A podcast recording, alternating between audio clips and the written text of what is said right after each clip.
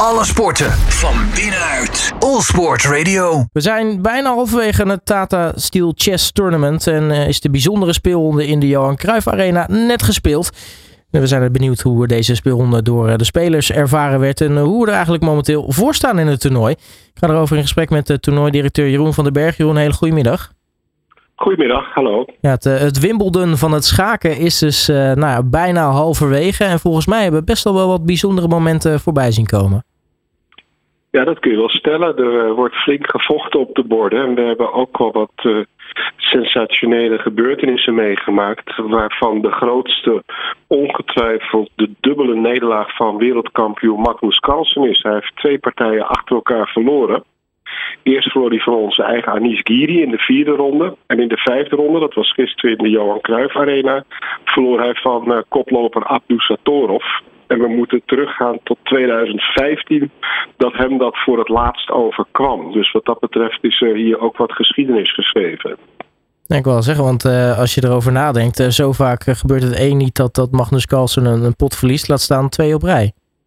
Daar heb je helemaal gelijk in. Uh, hij verliest zelden. Dus uh, inderdaad, in het zogeheten klassieke schaak verliest hij soms wel eens in een heel jaar geen enkele partij. Maar uh, en anders zijn het er hooguit één of twee. Maar hier heeft hij dus nu twee keer achter elkaar verloren.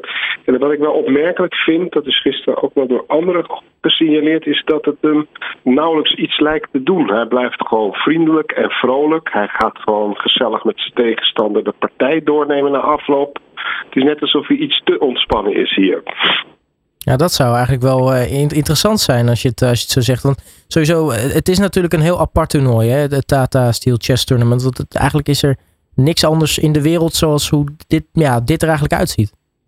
Ja, het grote verschil met andere toernooien, en ik denk dat we daarom ook Wimbledon van het schaken worden genoemd, is dat ons toernooi duurt heel lang. Het duurt 2,5 week. Het zijn 13 partijen. De meeste toernooien zijn er maar 9. Nou, bij ons is het dus aanzienlijk langer. En ook hebben wij natuurlijk die traditie. Maar het is dus ook niet gezegd dat Magnus Carlsen nu uitgeschakeld is voor de eerste prijs. Want hij kan het nog goed maken.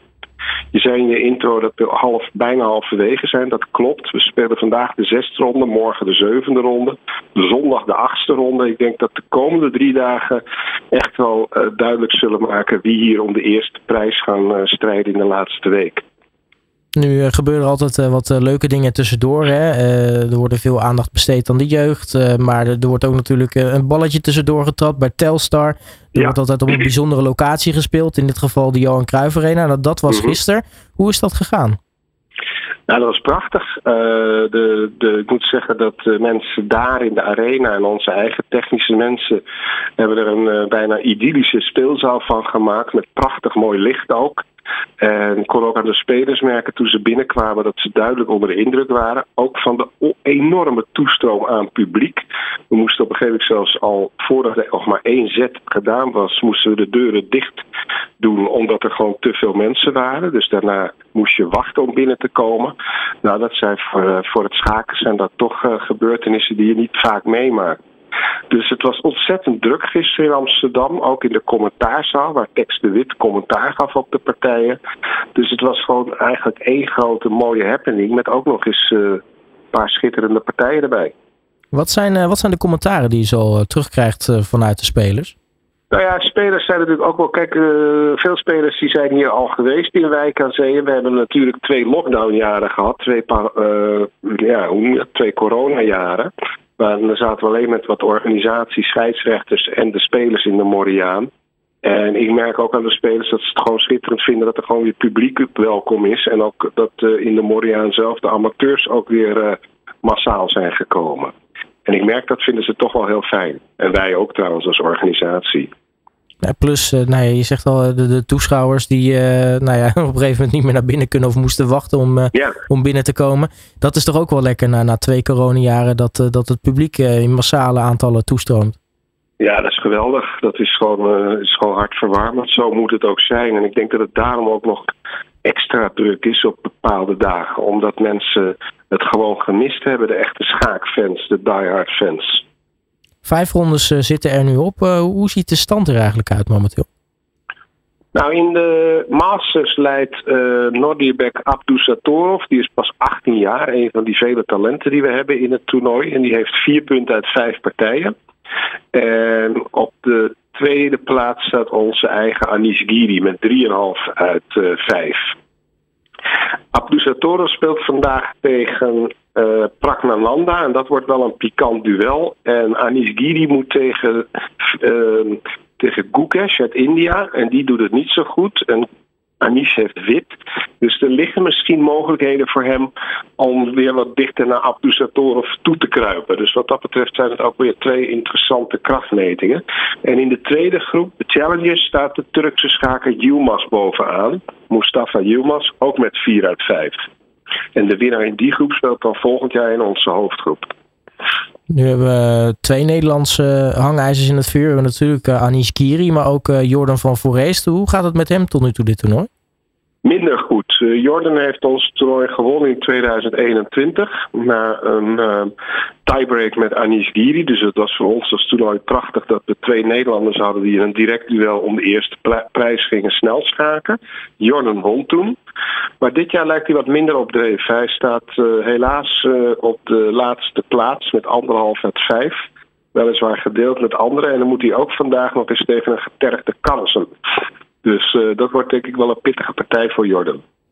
Nu zei je, de komende drie partijen, uh, of ja, drie speeldagen, uh, kunnen nog wel eens nou ja, veel betekenen voor bijvoorbeeld een, een Magnus Carlsen. Um, nou ja, dat ten opzichte van, van andere spelers. Hoe acht jij zijn kans eigenlijk om, om terug te komen in de wedstrijd? Nou ja, met Magnus weet je het maar nooit. hij is denk ik woedend op zichzelf trouwens. Niet op anderen, maar op zichzelf. Hij lijkt niet in goede doen, want uh, hij maakt ook fouten. Maar het is een enorme vechter en ook een overwinnaar. Daarom, die komende drie dagen zijn inderdaad heel belangrijk. Want maandag hebben we dan weer een rustdag. En ja, hij zou zomaar 3 uit 3 kunnen halen, of 2,5 uit 3. En dan doet hij misschien wel weer mee in de strijd om de eerste plaats. Maar ja, aan de andere kant moet ik ook heel eerlijk zeggen, die, die koploper die we hebben, Abdu Satorov, maar ook Anis Giri, maken een hele sterke indruk. En daar is toch al een gaatje geslagen. Nu spelen zij uh, volgende week tegen elkaar, uh, Anis Giri en uh. Op uh, vrijdag 27 januari. Kan dat nog wel eens een sleutelpartij worden in, dit, in deze editie? Nou, dat is dus wat ik net zei. We moeten eerst even het komende weekend af, afwachten. Maar ik, uh, ik sluit het niet uit dat het uh, as. Maar dan zullen zowel Abduzatorov als Giri wel moeten door blijven gaan met winnen. Anders komen andere mensen ook dichterbij. Ja, en dan wordt dat zeker de partij van het toernooi. Nu is uh, Abduzatorov de, de rising star in het schaken momenteel. Um, hoe er zijn er meer, maar hij, uh, ja, hij doet het waanzinnig goed hier. En hij heeft ook met zijn land Oezbekistan, als hij was de kopman, de schaakolympiade ge ge ge gewonnen. Dat is het belangrijkste schaaktoernooi wat er is. Vindt elke twee jaar plaats. Uh, dus ja, het lijkt erop dat Abdou Satorov bezig is met een absolute doorbraak naar de wereldtop. Is, is hij ook die, de favoriet? Die naam gaan we nog vaker horen, geloof me maar. Ja, denk je dat hij de favoriet is? Of uh, misschien dat Anish Kiri nog uh, Nederlands eer hoog kan houden? Ja, dat is natuurlijk uh, wat beschitterend zou zijn voor hemzelf, maar ook voor ons toernooi en voor de Nederlandse fans. Maar als ik heel, heel, heel eerlijk ben, moet ik zeggen dat Abdou Zatorov wel een hele sterke indruk maakt op mij. En ik geef het je maar te doen. Hij speelt gisteren met zwart tegen Magnus Carlsen. En hij wint gewoon een puikenpartij. Ja, dat, dat is toch wel even een visitekaartje wat je dan afgeeft. Tot slot, uh, Jeroen, uh, er zijn nog uh, heel wat speeldagen natuurlijk te spelen. Hoe zit het met het publiek? Waar kunnen zij meer info vinden over nou ja, eventueel aanwezig zijn bij, bij het toernooi? Toegang is gratis. Je moet je dit jaar wel registreren, maar dat is eigenlijk een formaliteit. In de IKC, de Moriaan. We beginnen elke dag om twee uur. En we hebben een website uh, www.tatasteelchess.com. En je kunt hem ook al googlen vinden. Daar vind je alle informatie die nodig is om hier langs te komen. Jeroen van den Berg, toernooidirecteur van het uh, Tata Steel Chess Tournament. Mag ik je hartelijk danken voor je tijd en natuurlijk heel erg veel succes en plezier natuurlijk de komende dagen. Dankjewel. Alle sporten van binnenuit. All Sport Radio.